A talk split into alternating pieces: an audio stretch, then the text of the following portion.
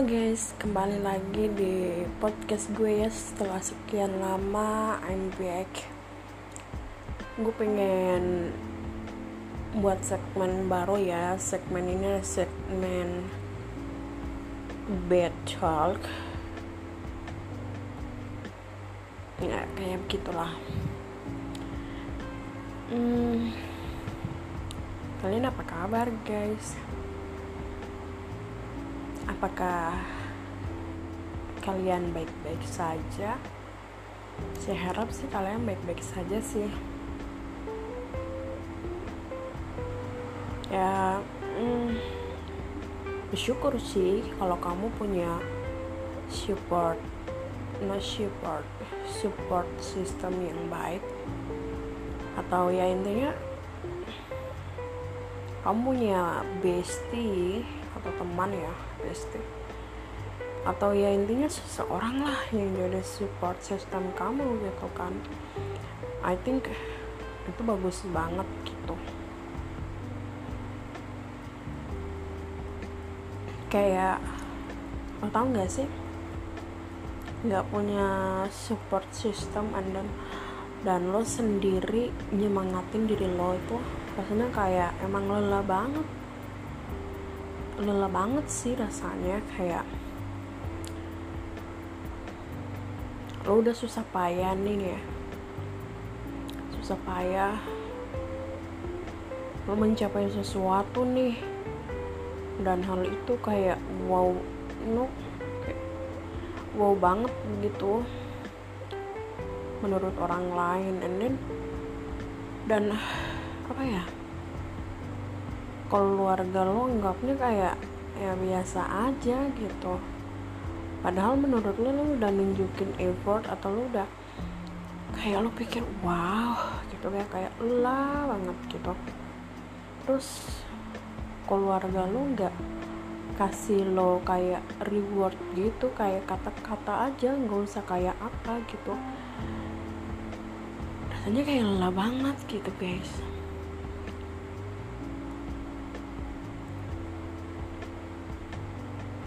gue pengen cerita nih ya. Ada teman gue.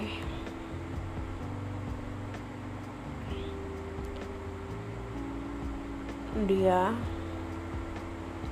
selalu melakukan intinya banyak lah banyak hal dia lakukan. Segala cara intinya untuk menarik perhatian orang tua dia untuk lebih sayang sama dia lebih perhatian sama dia. Dia perempuan. Gue nggak sebutin nama ya namanya. Dia perempuan. And then dan dia dari kecil dibesarkan kayak laki-laki gitu kan. Padahal cewek terus. Dia diajarin sama bokapnya cara berburu gitu kan kayak pasang jerat gitu cara nembak cara memanah. Bahkan manjat pohon pun diajarin sama bokapnya. Intinya segala hal kayak di di apa ya kayak seolah-olah nih teman gue nih cowok gitu. And then kebetulan bukan kebetulan sih kan memang orang tuanya itu kan mengharapkan dia lahir sebagai laki-laki. Tapi dia perempuan nih yang lahir nih terus bokapnya kecewa. Gue sih nggak tahu ya dia nggak cerita soal perasaan mamanya. Utamanya sih mamanya bahagia sih karena kehadiran dia karena ya satu tahun yang lalu lah. Dia kelahiran 99 juga ya. Seumuran sama gue juga sih. Gue juga kelahiran 99 dan setahun sebelumnya itu kakaknya udah meninggal. So dia dianggap pembawa sial sama keluarganya. Bukan keluarga sih sama bokapnya sendiri. Dia selalu berusaha sih kayak hebat banget gitu. Dia mulai kecil mulai tumbuh jadi anak yang takut sih dia selalu takut untuk ditinggalkan. Takut ditolak yang selalu dia pikirkan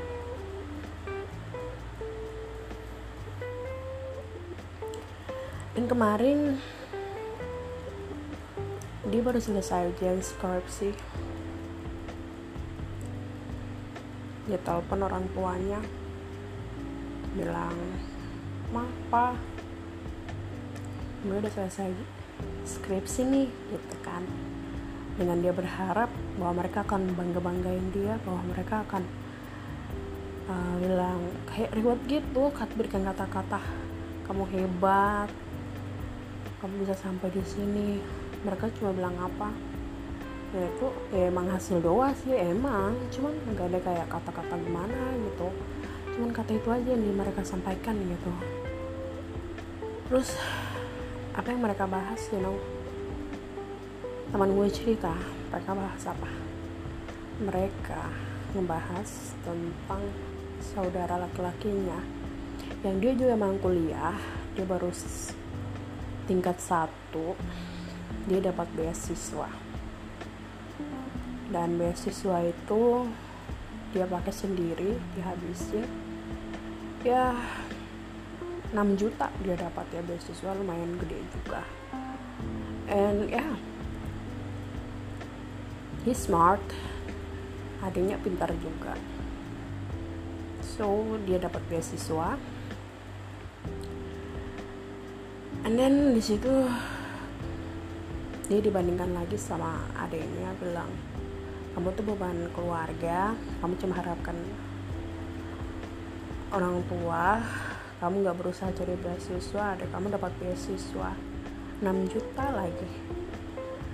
And I kayak you know dia bilang kayak gue emosi banget sih di situ. And then dia cuma kayak senyum aja sih dia bilang kayak ah oh, gue pengen bagiin cerita gue gue pengen kayak hari bahagia gue nih loh. Kenapa kalian bandingkan gitu dengan saudara gue? Ya udah tuh. Uh, keberuntungan dia keberuntungan gue ya beda lagi gitu kan. Dan dia bilang kalau gue dulu nggak tahu apa-apa gue nggak pegang handphone atau apa gitu. Dan dia teman gue ini ya dia selalu menuruti semua permintaan orang tuanya. Orang tuanya bilang ah oke okay. B oke okay aja C oke okay aja. Dia selalu nurutin bahkan dari kecil uh, kayu bakar. Dia cari itu kayu bakar. Didengerin maminya kalau enggak B dia apa ya dibentak lah. Kalau nggak dengar mamanya. And then saudara-saudara cowoknya. Sekarang ya mereka kayak biasa aja. Bos banget gitu. Nggak kerja apa-apa bahkan adiknya ini ya yang cowok. Udah ngelangin HP udah 13 atau 14 buah HP dia dapat beasiswa dia dipuji. Sama bokap sama bokapnya kesenangan gue ini baru selesai skripsi dia selalu nurutin semuanya and then you know dia justru dibandingkan sama adiknya lagi. Kayak rasanya sakit banget gak sih? Dari teman-teman semua ada yang kayak gitu gak sih kalau ada komen dong guys. Sharing. Kita sering-sering bareng. Kalau ada yang pengen kalian curhatin juga boleh. Gue bakalan gue bukan Tuhan atau apa tapi gue bakalan berusaha untuk ngasih apa ya kayak support. Gue bisa jadi support sistem kalian juga kok gratis nggak usah bayar kalau kalian ada cerita-cerita menarik tentang kalian ya kalian bisa DM gue aja gitu. Atau mungkin di Twitter or di IG oke okay, guys. Ini untuk cerita gue kali ini. Sampai ketemu di cerita selanjutnya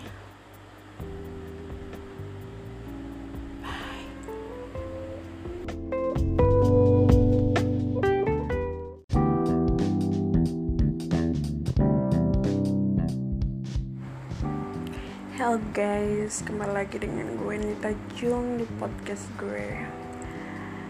Uh, Kali ini gue pengen ngebahas mengenai self love ya. Um, Gue pengen sharing aja sih sama kalian gitu kan. Jujur loh ya Tentang self love gitu. Duh, Jujur aja sih gue dulu tuh kayak gue benar-benar nggak cinta sama diri gue sendiri. Gue merasa insecure gitu kan.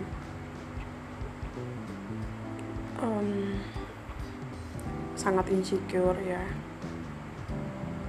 Bahkan you know orang-orang sekitar gue bahkan teman gue sampai bilang ngata-ngatain gue gitu. Bilang gendut lah. Kayak ikan gede lah. Terus berlemak lah. Gitu mereka pokoknya bilang segala macam hal punya kata-kata yang nyelekit banget sih menurut gue bat kayak gue ya senyum aja gitu. Karena gue gak bisa ngelakuin apa-apa gitu dulu. Gue sih kayak ya gue salah apa? Gitu sama mereka. Kok mereka bisa body shaming gitu? Gue pikir kayak gue nggak ngelakuin sesuatu hal yang merugikan mereka gitu kan ya gue beli makan ya ya dari uang gue gitu kan. Karena jadi lo jujur mereka bilang ini bagusan badan lo yang dulu daripada badan lo yang sekarang gitu kan. Karena emang uh, gue masuk semester 45 itu emang naik drastis drastis banget. Ya semenjak gue kuliah semester 45 itu gue udah over banget ya naik berat badannya. Yang dari SMA 65 yang ya proporsional banget lah. 65 terus tiba-tiba naik jadi 70 waktu itu. 70 terus dia 75 gitu kan. Sampai gue mikir ya kayak gue rasa gue gak nyakitin, nyakitin hati mereka gitu kan. Kenapa mereka kayak body shaming gue terus? Kalau bilang sakit hati jujur sakit hati banget gitu gue. Dan kalau dibilang sekarang lo masih insecure nggak? Gitu kan. Kalau ada yang nanya nih sama gue jujur gue udah nggak insecure lagi sih sama diri gue. Gue merasa gue perfect gue sempurna gue berharga. Gue cinta sama diri gue. Gitu gue sempurna gitu kan. Sempurna versi gue gitu.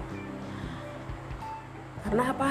I think Tuhan menciptakan gue gitu kan. Itu udah sempurna banget. Apalagi lo mereka berusaha ya udah gitu kan. Kayak gue merasa kayak ya udah anjing menggonggong villa berlalu gitu kan. Kayak ya udah gitu. Terserah mereka mau ngomong apa. Intinya selama gue nyaman dari gue nyaman udah gitu kan. Selama nggak over nggak over ya berat badannya gitu. Istilahnya apa ya? Obesitas dan kalian tahu yang membuat gue self love itu yang gue pengen bagi nih sama kalian. Kayak sekarang nih ya gue pede banget gitu. Gue sampai bilang wah gue baru sadar ternyata gue cantik banget gitu. Ke mana aja dulu? Ternyata gue cantik loh gitu. Gue mikir nih beberapa iya sih tahun ini sih gue mikir gitu. 2022 tahun 2019 ya. Um, gue sempat depresi. Gue depresi terus gue memutuskan untuk cuti agar gue bisa sembuh dari depresi gue. Gue cuti tahun 2019 tahun 2020 gue kembali kuliah lagi. And praise the Lord ya puji Tuhan. Uh, depresi gue ya semakin sembuh ya semakin hari semakin sembuh. Kalau dibilang luka ya masih ada lukanya gitu kan yang membuat gue depresi gitu. Masih trauma masih trauma. Kalau dibilang untuk sembuh ya gue perlahan lagi sembuh. Kalau untuk trauma ada masih ada. Nggak hilang sama sekali ya. Istilahnya kayak lo mecahin atau lo mecahin kaca nih di jalan raya. Lo bersihin pasti kan masih ada serbuk-serbuk kacanya kan? Nah kayak gitu. Trauma ya. Ya semenjak itu ya guys gue gue berusaha untuk sembuh. And then ya gue kenal BTS ya Bangtan Boys. And gue rasa kalian tahu siapa itu Bangtan BTS no BTS BTS dari boy group asal Korea Selatan ya. Hmm, gue pertama kali ya gue suka sama mereka karena apa yang mereka bicarakan itu kan emang benar-benar mereka alami gitu kan. Gue pernah main itu Jimin ya Jimin sih. Terus RM kayak mereka tuh kuat banget gitu. Bahkan mereka sempat depresi tapi mereka sembuh lagi gitu. Dan dari situ gue belajar oke okay, gue bisa bangkit gue bisa kembali mencintai diri gue gue bisa kembali pede lagi nih gue bisa lagi percaya diri lagi nih gitu kan dan dari situ gue mulai bukan hanya itu aja sih mulai dari BTS terus gue lebih uh, baca buku juga sih baca buku tapi tentang kayak perempuan-perempuan gitu ya. Tentang patriarki patriarki ya gue baca terus role model role model yang gue jadikan panutan ya Mbak Najwa Zihab terus uh, Bu Sri Mulyani, Retno Marsudi, Bu Susi Pujiastuti, dan banyak perempuan-perempuan hebat di luar sana gitu kan.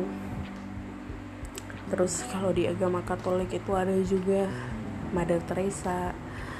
Terus banyak sih perempuan-perempuan gitu kan kayak wow mereka hebat ya mereka percaya diri gitu kan. Bahkan perempuan bisa jadi presiden bahkan bisa jadi uh, gubernur bahkan sampai tingkat ke bawah bahkan bisa jadi uh, kepala desa bahkan kepala sekolah gitu kan. Kepala dinas. Kayak wow gitu kan. Gue mikir mereka percaya diri banget gitu. Gue pikir ya gue bisa seperti mereka gitu kan. Gue pikir ini dari situ gue mulai bangkit gue mulai cari kata-kata motivasi gitu kan. Gue scroll tiktok banyak tuh orang-orang yang gue nggak kenal tapi mereka kayak sangat luar biasa sekali efeknya gitu ke gue. Kata-kata yang sangat gue harapkan yang bisa diberikan oleh orang-orang terdekat tapi gue dapatkan dari luar gitu kan. Kata-kata motivasi dari para perempuan-perempuan hebat terutama Mbak Najwa gitu kan. Gue rasa oke okay, terus juga nonton kayak drama juga. Kayak drama juga sangat sangat membantu gue banget untuk gue bangkit dari depresi gue sembuh dari depresi gue untuk gue bisa lebih mencintai diri gue. Dari situ tahun 2020 ya gue kenal BTS terus gue berusaha untuk mencintai diri gue. And then puji Tuhan sekarang tahun 2022 ya gue merasa percaya diri ya. Gue merasa uh, gue berharga gue sempurna gue layak dicintai. Gue layak untuk disayang gue layak untuk diterima. And I'm worth it untuk segala hal gitu kan. Menurut versi gue I don't know. Menurut versi gue sih intinya gue berusaha melakukan yang terbaik gitu kan kalau kalian guys apa yang kalian lakukan untuk kalian masih mencintai diri kalian atau enggak nih? Share dong guys. Kalau kalian masih mencintai diri kalian atau kalian lagi proses belajar itu sih yang gue lakuin. Coba deh kalian kayak gitu atau enggak kan setiap proses orang tuh beda-beda ya untuk mencintai diri mereka. Jadi coba kalian cari sesuatu hal yang membuat kalian kalian tertarik untuk melakukan hal itu guys gitu.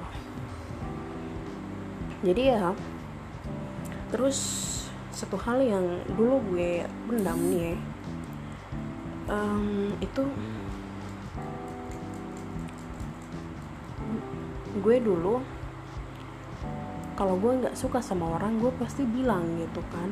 Gue nggak suka sama lo karena ini ini ini gue kayak belak belakan gitu gue nggak suka atau gue suka sama seseorang pasti langsung gue bilang.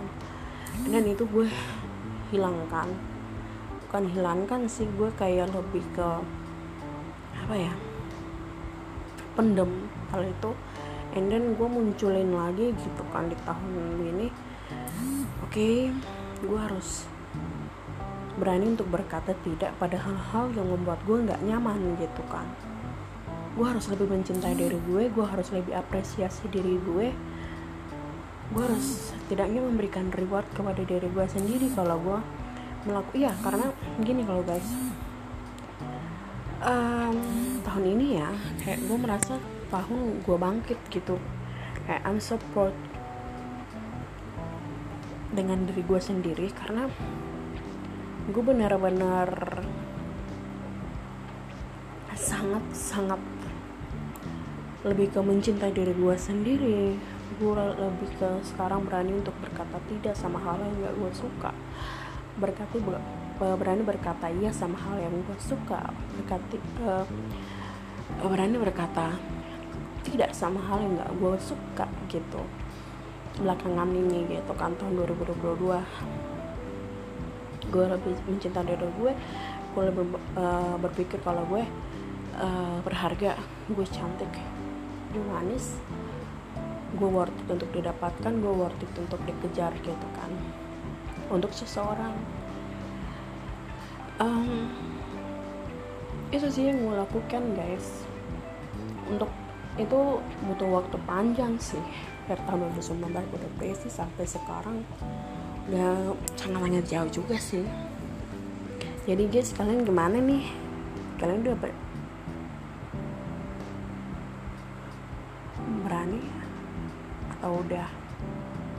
berhasil mencintai diri kalian gak nih? Kalau belum kalian harus tetap berusaha ya. Lakukan juga hal-hal yang kalian suka seperti mungkin menulis cerpen atau baca buku. Mungkin baca cerita-cerita pendek terus mungkin kalian nonton hal-hal yang kalian suka. Mungkin seperti cerita-cerita horor horor terus prasejarah apa. Terus cerita-cerita kayak kisah-kisah pembunuhan or something like that kayak gitu. Kalian semangat. Kalau kalian merasa ini ya ya nggak apa-apa curhat aja sama gue gitu kalian butuh gitu kan. Kalau kalian udah benar-benar nggak ada tempat nih ingat ya Tuhan Yesus atau Allah selalu bersama kita kok Tuhan ya. Cuman emang terkadang depresi nggak bisa disembuhkan dengan cara kita sembahyang ya. Self love insecurity. Intinya jangan pernah insecure sih saya nggak apa-apa insecure. Tapi insecure dalam hal-hal yang positif gitu. Jangan insecure insecure itu dalam hal-hal yang negatif seperti mungkin berat badan kilogram. Berat badannya kilogram ya kilogram sentimeter. Tinggi badan lo warna kulit lo bentuk rambut lo jenis rambut lo bentuk tubuh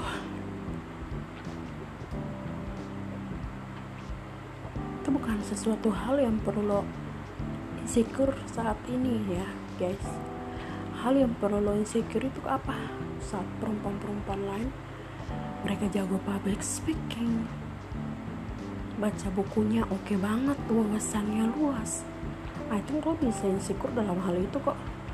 Lo insecure I think uh, kalau lo udah insecure belajar gitu kan. Jadi mereka panutan jadi kan mereka role model kamu gak usah jauh-jauh bisa jadi orang sekitar kamu. Untuk kamu bisa memulai sesuatu hal yang baru untuk kamu bisa membangun diri kamu cari value yang ada dalam diri kamu kamu pupuk itu kamu bangun supaya menjadi sesuatu hal yang luar biasa. And then gue percaya sama lo guys. Gue percaya sama kalian-kalian yang uh, mendengar podcast gue ya. Uh, kalian memiliki sesuatu kok siapa pun kalian kalian gender apa pun bahkan itu cewek bahkan itu cowok kalian memiliki sesuatu yang tidak dimiliki oleh perempuan lain yang tidak dimiliki oleh laki-laki lain kalian sempurna kalian berharga. Kalian patut untuk mendapatkan seseorang yang terbaik ya menurut versi Tuhan gitu. Dan gue percaya kok sama kalian gue yakin kalian pasti bisa semangat guys. Sampai ketemu di podcast gue selanjutnya ya